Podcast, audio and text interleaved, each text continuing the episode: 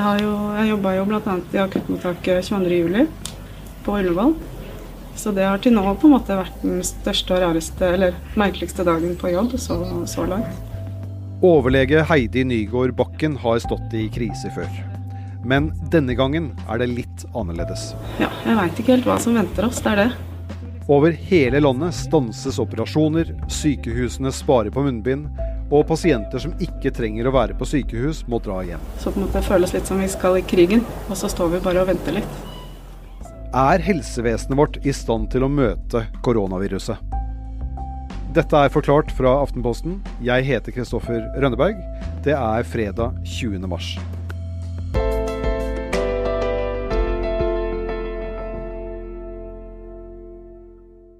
Jeg tror liksom litt sånn frykt for at dette kan bli veldig langvarig og veldig veldig slitsomt. Samtidig så er det jo dette vi driver med, og på en måte er, er trent til. da.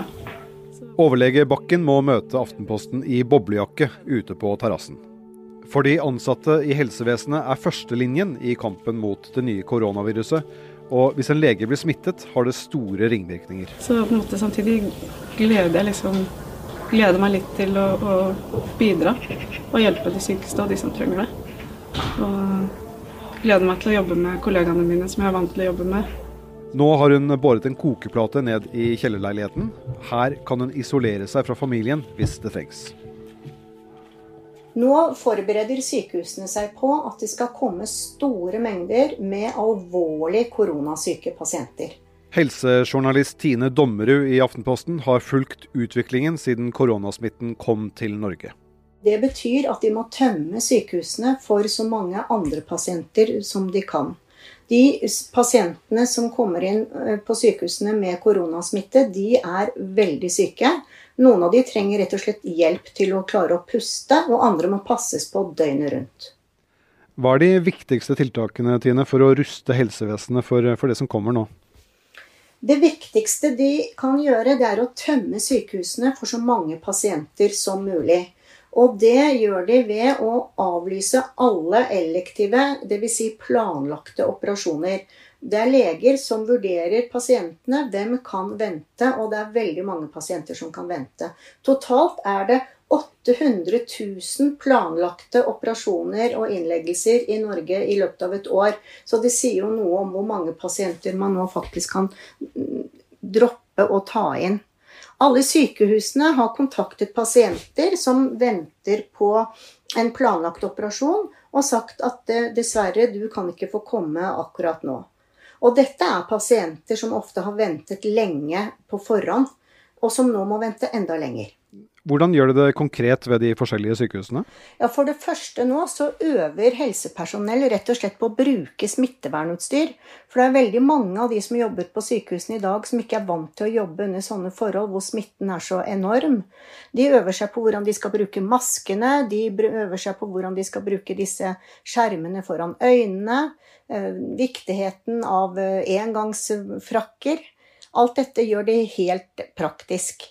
Eh, og så øver flere legespesialiteter og sykepleiere seg på å gjøre andre ting enn det de vanligvis gjør. Veldig mye av det som er utsatt nå, det er behandling innen ortopedi, altså skader og sykdommer i muskel og skjelett. Nå kan ortopedene måtte gjøre andre ting, som f.eks. kanskje til å stå i mottaket og måtte skille mellom pasientene som kommer inn. Hvem er så alvorlig syke at de må rett på intensiv? Hvem kan bare ligge og bli overvåket? Men det betyr at både sykehusleger og sykepleiere og annet helsepersonell faktisk nå må gjøre andre ting enn det de pleier å gjøre til daglig. En annen måte som sykehusene forbereder seg nå, eller bruker det som de kaller et tidsvindu, altså dette vinduet nå mens de venter på veldig mange pasienter, det er at de kan operere og, kreft, og behandle kreftpasienter som øh, kanskje skulle ventet lite grann, men som de nå prioriterer å ta. Det gjør de bl.a. på St. Olavs. Det kommer til å bli stadig flere som blir innlagt på sykehus med covid-19, altså sykdommen som dette viruset gir. Samtidig vil ikke folk slutte å bli syke av andre ting. Koronaviruset kommer bare på toppen, sier overlege Heidi Nygård Bakken. Alt det vanlige også må vi også ha kapasitet til å behandle. Det slutter jo ikke å komme hjerteinfarkter og slag og alvorlige infeksjoner av andre årsaker og, og blodforgiftninger. Vi må ha kapasitet til å behandle det også. Sånn at jeg syns det er kjempeviktig det som er utført nå. Og greit om noen kan komme til neste år da, og klage på at Erna Solberg og Helsedirektoratet ikke gjorde nok. Eller at de gjorde for mye. Jeg tenker det er ingenting som er bedre enn at vi kan på en måte lene oss tilbake og puste ut og si at OK, det ble ikke så ille som vi frykta. Jeg tenker det er langt verre da, å sitte der og tenke at vi skulle gjort mer. Vi er straks tilbake.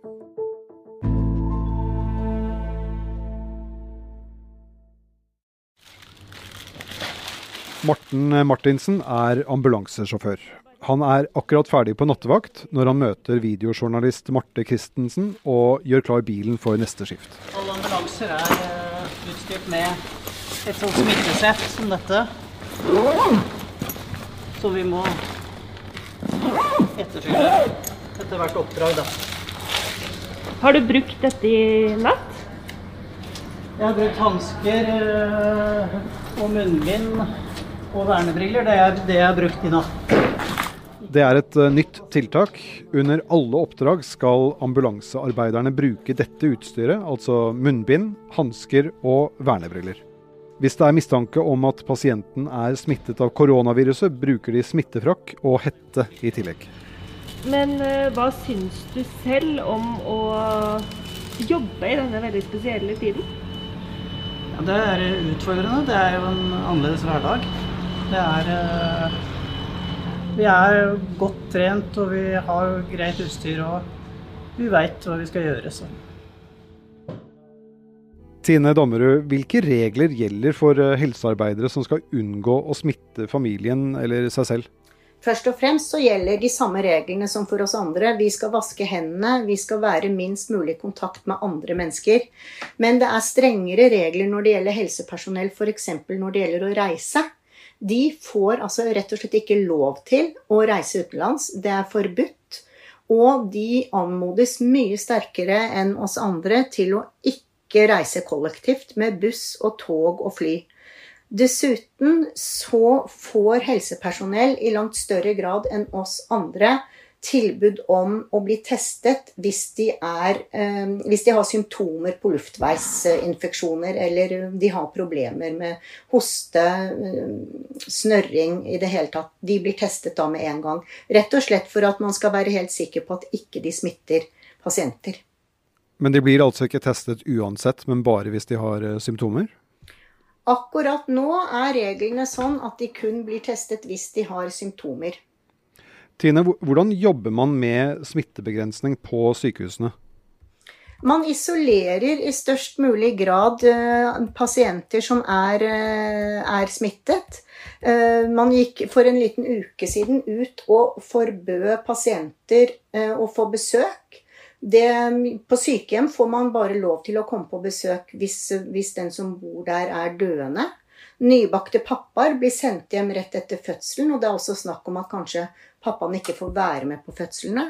Ehm, småsøsken får ikke møte de nye søsknene sine. Ehm, så gjør man helt konkrete ting, sånn som ved Oslo universitetssykehus. Så samler de alle pasientene som er smittet i en avdeling.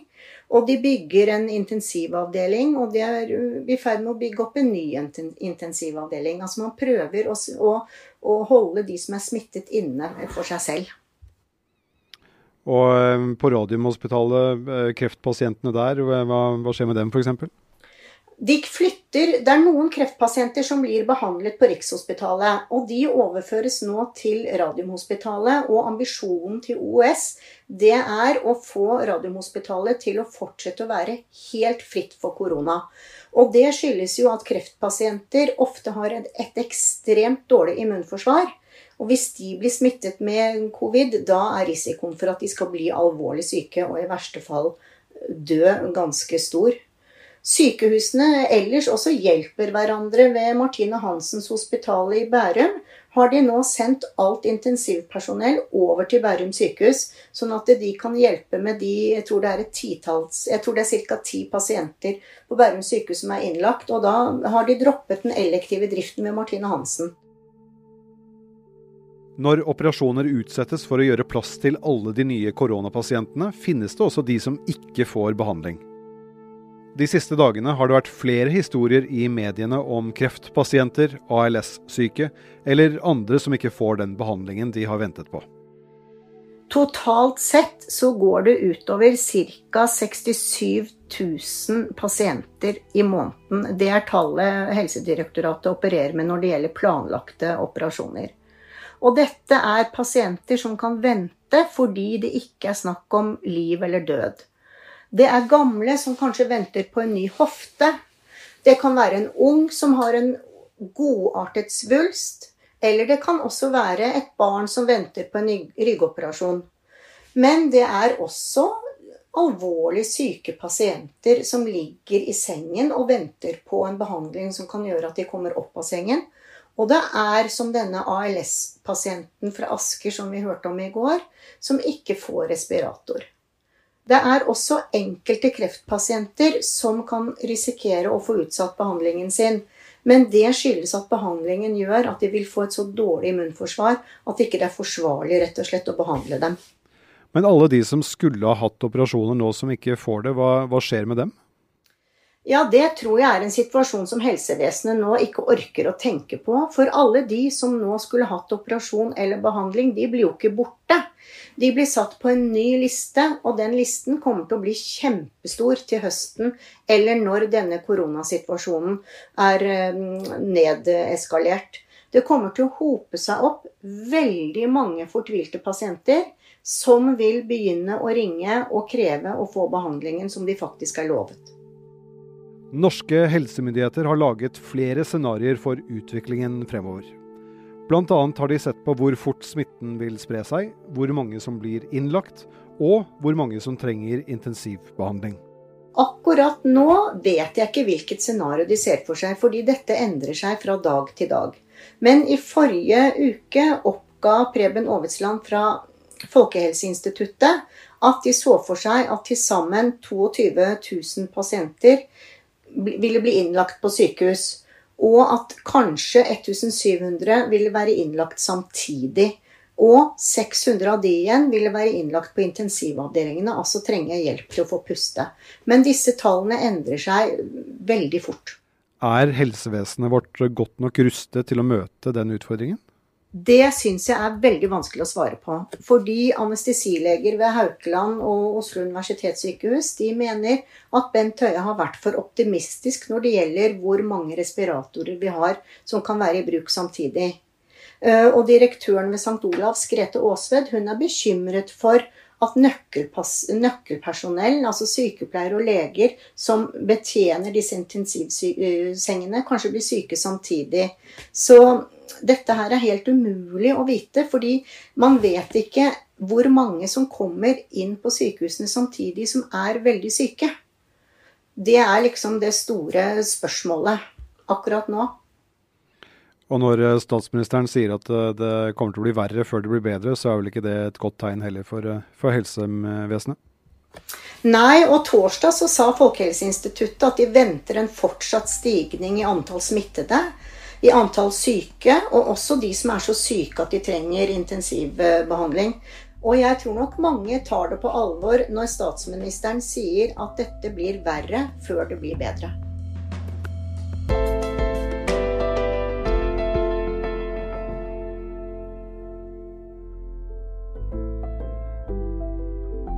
Forklart lages av Caroline Fossland, Anne Lindholm, Fride Næss Nonstad, Andreas Bakke Foss og meg, Kristoffer Rønneberg.